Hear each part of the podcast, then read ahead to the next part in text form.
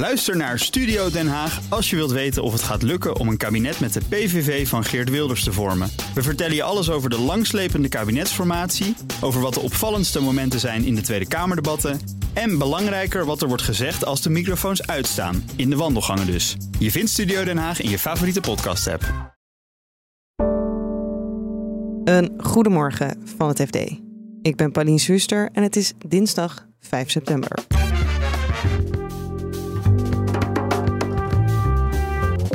Het is al een tijdje stil qua beursgangen.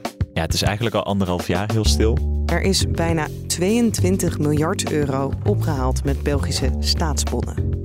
Onze zuiderburen hadden iets minder verwacht. 1 miljard misschien, hoopten ze dat ze op zouden halen. Dus het is echt waanzinnig succes. En vandaag horen we of Big Bazaar failliet wordt verklaard. Dit is de dagkoers van het FD. We beginnen bij Big Bazaar, want vandaag behandelt de rechtbank in Amsterdam het mogelijke faillissement van de koopjesketen. Retailredacteur Jan Braaksma schetst voor je nog even de voorgeschiedenis. Dat begon met een aantal verhuurders die maanden moesten wachten op een huur. Toen bleek dat een geldschieter die het bedrijf 2 miljoen had geleend, een tijd geen rente betaald kreeg.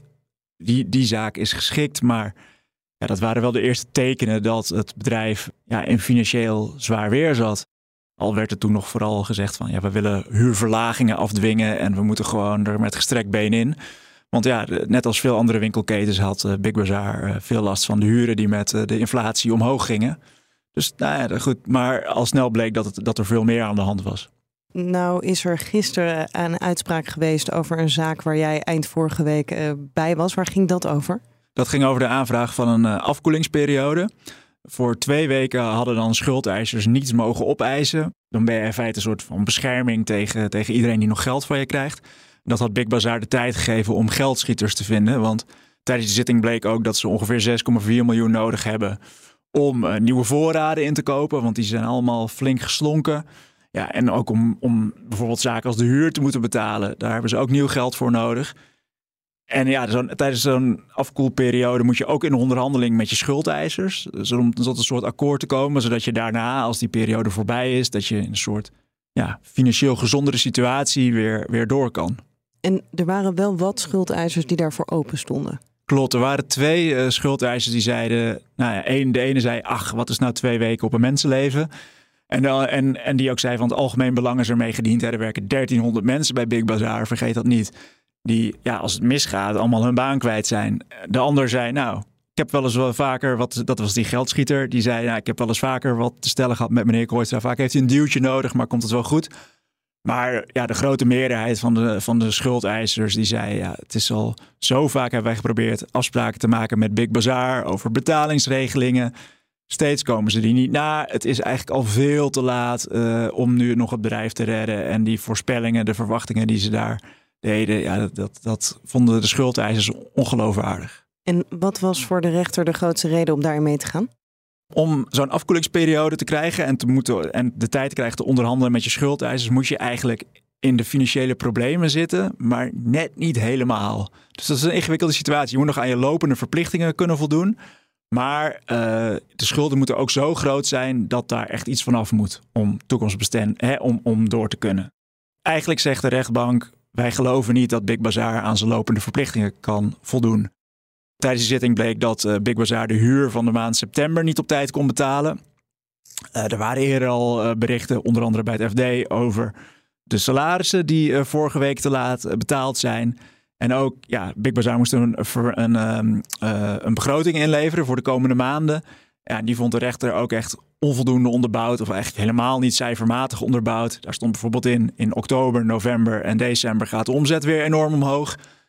Nou, de rechter zei, ja, dat, dat kan misschien, dat kunt u wel beweren, maar u heeft dat niet onderbouwd. En ja, dus vonden de situatie veel te penibel om, om aan door te gaan. En, en het laatste wat ook wel belangrijk was, Big Bazaar zei op die zitting, of de directeur Eerko Kooijstra zei op die zitting, ik ben in vergaande onderhandelingen met geldschieters. Dat is echt heel erg serieus. En daarvan zegt de rechter ook, dat is op geen enkele manier concreet gemaakt of aannemelijk gemaakt dat dat echt zo is. Ja, en wat staat er dan vandaag op het spel? Het faillissement van Big Bazaar. Uh, een verhuurder van, uh, uit Goes heeft een tijd geleden het, het faillissement aangevraagd. Nou, dat was zolang die aanvraag over de afkoelingsperiode liep even geparkeerd. Maar nu dat is afgewezen, herleeft dat weer. En er zijn meer schuldeisers die dat hebben gedaan. Zo bleek ook tijdens die rechtszaak. Er, er zijn allerlei partijen, verhuurders, leveranciers, andere zakenpartners die uh, het niet meer zien zitten en denken, nou ja, dan moeten we het faillissement aanvragen, want misschien krijgen we dan, als het bedrijf failliet is en afgewikkeld, krijgen we misschien nog iets van ons geld terug. Kunnen we al een voorspelling doen of dit dan ook het einde betekent van Big Bazaar? Nou, vaak is het natuurlijk heel erg lastig als je zoveel partijen hebt die nog geld van je krijgen. En, en zeker omdat tijdens die zitting al bleek dat de kas eigenlijk gewoon leeg is en er nieuw geld nodig is.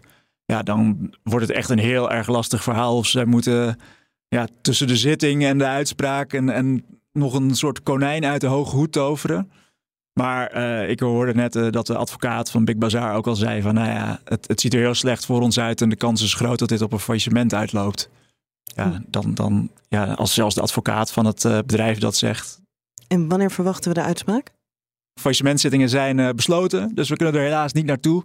Maar ergens in de loop van de dag zal dat, zal het wel duidelijk worden. Er lijken twee grote beursgangen aan te komen in New York. En dat is opvallend, want het was het afgelopen anderhalf jaar vrij stil op dit vlak. De financiële markten zijn namelijk wat woelig geworden, vertelt onze correspondent Lennart Sandbergen. Er zijn veel dagen nou ja, dat het best wel goed gaat op de beurs en dat alle koersen omhoog gaan. Maar er zijn er ook heel veel dagen dat het heel erg omlaag gaat. En juist als je een beursgang hebt, dan zoeken bedrijven en beleggers en zakenbankiers naar een rustige markt waarbij het zo voorspelbaar mogelijk is en zodat er eigenlijk zo min mogelijk afleiding is. Want nou ja, dat kan er heel erg voor zorgen dat zo'n uh, nieuwe beursgang gewoon faalt. En nu lijkt daar een beetje verandering in te komen. Welke bedrijven gaan? Ja, klopt. Er zijn eigenlijk nu heel veel bedrijven die dus al heel lang eigenlijk een beursgang willen maken, maar die, ja, die kans is nog gewoon niet geweest. En er zijn er nu twee die uh, wel echt lijken te gaan. En dat zijn Instacart, dat is een uh, boodschappenbezorger uit de VS en ARM. Uh, dat is een Britse chipontwerper. nou ja, en die laatste partij vooral, ja, chips zijn natuurlijk helemaal hot het afgelopen jaar. Die koersen van alle chipbedrijven gaan alleen maar verder omhoog. Dus in principe moet dat een hele makkelijke beursgang zijn, zou je zeggen. Maar goed, het is dus maar de vraag of andere bedrijven daardoor ook kunnen volgen. Ja, want kunnen we hier een soort trend uit ontwaren? Ja, dat is nog maar de vraag. Wat je bijvoorbeeld al ziet is dat beide bedrijven best wel voorzichtig zijn. Dus ze hebben al uh, eigenlijk best wel wat investeerders gevonden die al heel veel van de aandelen gaan kopen.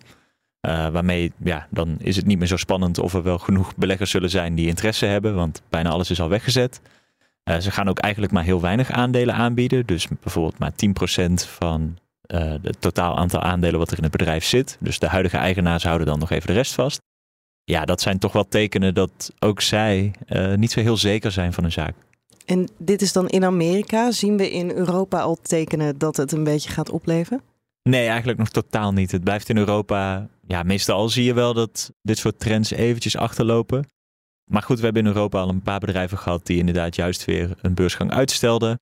Die eigenlijk ook dit jaar zouden gaan en nu zeggen van nou, dat wordt ergens halverwege volgend jaar. Nou, in Nederland hebben we ook nog niet echt een hint opgevangen dat er nog bedrijven klaarstaan om dit half jaar te gaan. Dus uh, nee, het lijkt er niet op. Ze hadden zo'n 1 miljard verwacht, maar uiteindelijk is er in België 21,9 miljard opgehaald met hun staatsbonnen, staatsobligaties voor particulieren. Ik heb het erover met onze bankredacteur Matthijs Rotteveel, die eerst even vertelt wat je nou krijgt voor zo'n bon. Tegen een rente van 2,81%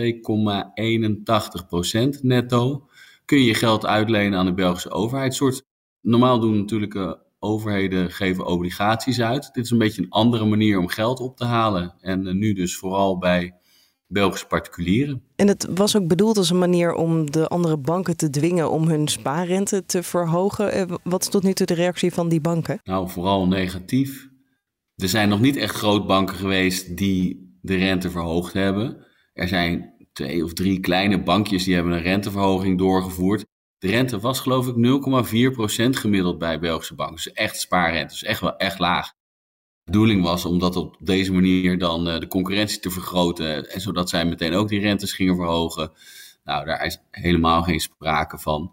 Het enige um, wat nog wel naar buiten kwam was kritiek op de Belgische minister van Petergem die dit heeft ingezet. Er was een bank, dat is wel ook wel ook echt bijzonder, Belfius. Dat is een staatsbank, dus in, de, in handen van de Belgische staat. En daar heeft de topman van gezegd, ja, er stroomt nu zoveel geld van eh, onze spaarders richting de overheid, dat we eigenlijk krap komen te zitten. Dus wij gaan ook uh, de, de rentes op het uitlenen van geld verhogen. Dus dat moeten we een beetje zien te beperken, dat uitlenen. Van, nou, dat doen we door de, de, de prijzen daarvan te verhogen. Dus het zou zomaar kunnen zijn dat uh, de hypotheekrentes of bedrijfskredieten hoger geprijsd gaan worden. Wilden we eigenlijk zorgen dat mensen beter konden sparen en dan kost het uiteindelijk de consument toch nog weer meer geld? Ja, het, uh, als, als we de, de, de geluiden uit de Belgische financiële sector moeten geloven, ja, die, die gaan echt met hun kont tegen de krip. Die zeggen van, nou, dit, uh, dit werkt averechts, dus wij zitten krapper bij kas. verwacht niet ja, dat die rente ja, misschien een beetje kan, kan, kan gaan stijgen, hè, die spaarrente. Maar we gaan ook draaien aan de andere, andere, andere knoppen, aan de andere kant. En we gaan gewoon de, de prijzen van kredieten verhogen. Dus ja, dat, ehm, die waren er niet zo blij mee met uh, dit, uh, deze leuke actie. Maar je zou zeggen, als zij die rente ook zo omhoog gooien, dan komt al het geld naar hun. Ja, dat uh, zou je zeggen dat dat misschien het geval kan zijn, maar dan moeten ze wel echt hoog gaan zitten. Want ehm, de Belgische overheid heeft ook nog een belastingvoordeel gegeven. Dus er is, normaal is het 30% betaal je over de opbrengsten van, van je, van je kapitaal, dus over de rente. En uh, ze hebben 15% gegeven. Dus ja, het, het, zijn ook wel grote bedragen die naar de Belgische overheid zijn gegaan. Dus het zijn niet zozeer de kleine spaarders waarschijnlijk, omdat het voor die kleine spaarders niet zo heel veel geld, uh, niet zo heel veel uitmaakt. Hè? Uh, of, of je nou iets meer of iets minder krijgt, of zo'n zo'n zo'n belastingvoordeel. Dus het zijn grote calculerende spaarders geweest. Nou, die gaan dan ook wel uitrekenen van, nou oké, okay, uh, de bank die zit nu, eh, de bank zit nu op 0,4. Zou ze al naar 2,8 moeten gaan? Nou, daar nog iets boven moeten gaan zitten omdat ze belastingvoordeel niet hebben. Dan wordt het wel een beetje een lastig verhaal, denk ik. Zouden wij het eigenlijk ook in Nederland kunnen doen? Ja, we hebben het instrument staatsbon niet. Dus wij, wij, eh, de Nederlandse overheid schrijft natuurlijk obligaties uit.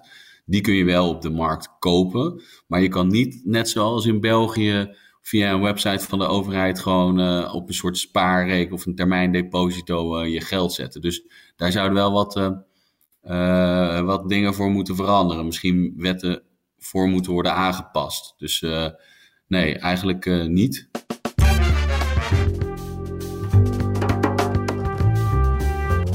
Dit was de dagkoers van het FD. Je kunt het laatste financieel-economisch nieuws, zoals dat over Big Bazaar, volgen op fd.nl en in de app. En morgenochtend is er weer een nieuwe dagkoers. Vergeet je niet te abonneren op ons in je podcast-app, dan krijg je die automatisch binnen. Nog een hele fijne dag en graag tot morgen. Ook Hugo Reitsma vind je in de BNR-app. Superhandig die BNR-app. Je kunt alle programma's live luisteren, breaking nieuwsmeldingen. Je blijft op de hoogte van het laatste zakelijke nieuws. En je vindt er alle BNR-podcasts, waaronder natuurlijk de belangrijkste, Boeken zijn in de wijk. Download nu de gratis BNR-app en blijf scherp.